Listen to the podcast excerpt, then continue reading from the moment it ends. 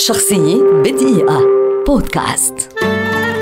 أنسي الحاج شاعر لبناني كبير يعد من أهم رواد قصيدة الناثر في الشعر العربي المعاصر ولد عام 1937 بدأ مسيرته الأدبية بنشر قصص قصيرة وأبحاث وقصائد في المجلات الأدبية وهو على مقاعد الدراسة. دخل الصحافة اليومية بجريدة الحياة ثم النهار كمسؤول عن الصفحة الأدبية ولم يلبث أن استقر في النهار حيث حول الزاوية الأدبية اليومية إلى صفحة. وأصدر عام 1964 الملحق الثقافي الأسبوعي عن الجريدة وظل يصدره حتى 1974 ساهم مع يوسف الخال وأدونيس في تأسيس مجلة شعر عام 1957 ثم أصدر بعدها بثلاثة أعوام ديوانه الأول لن وهو أول مجموعة قصائد نثر في اللغة العربية. له ست مجموعات شعرية. لن الرأس المقطوع ماضي الأيام الآتية. ماذا صنعت بالذهب؟ ماذا فعلت بالوردة؟ الرسول بشعرها الطويل حتى الينابيع والوليمة.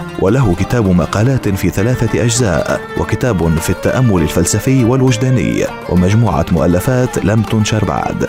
نقل إلى العربية منذ 1963 أكثر من عشر مسرحيات لشكسبير ويونسكو وبريخت وسواهم وترجمت مختارات من قصائده إلى الفرنسية والإنجليزية والألمانية والبرتغالية والأرمنية والفنلندية. رحل أنسي الحاج عام 2014 تاركا إرثا أدبيا وشعريا وفكريا عظيما. هو الذي قال عنه الكبير أدونيس إنه الأنقى بيننا. شخصية بدقيقة. بودكاست.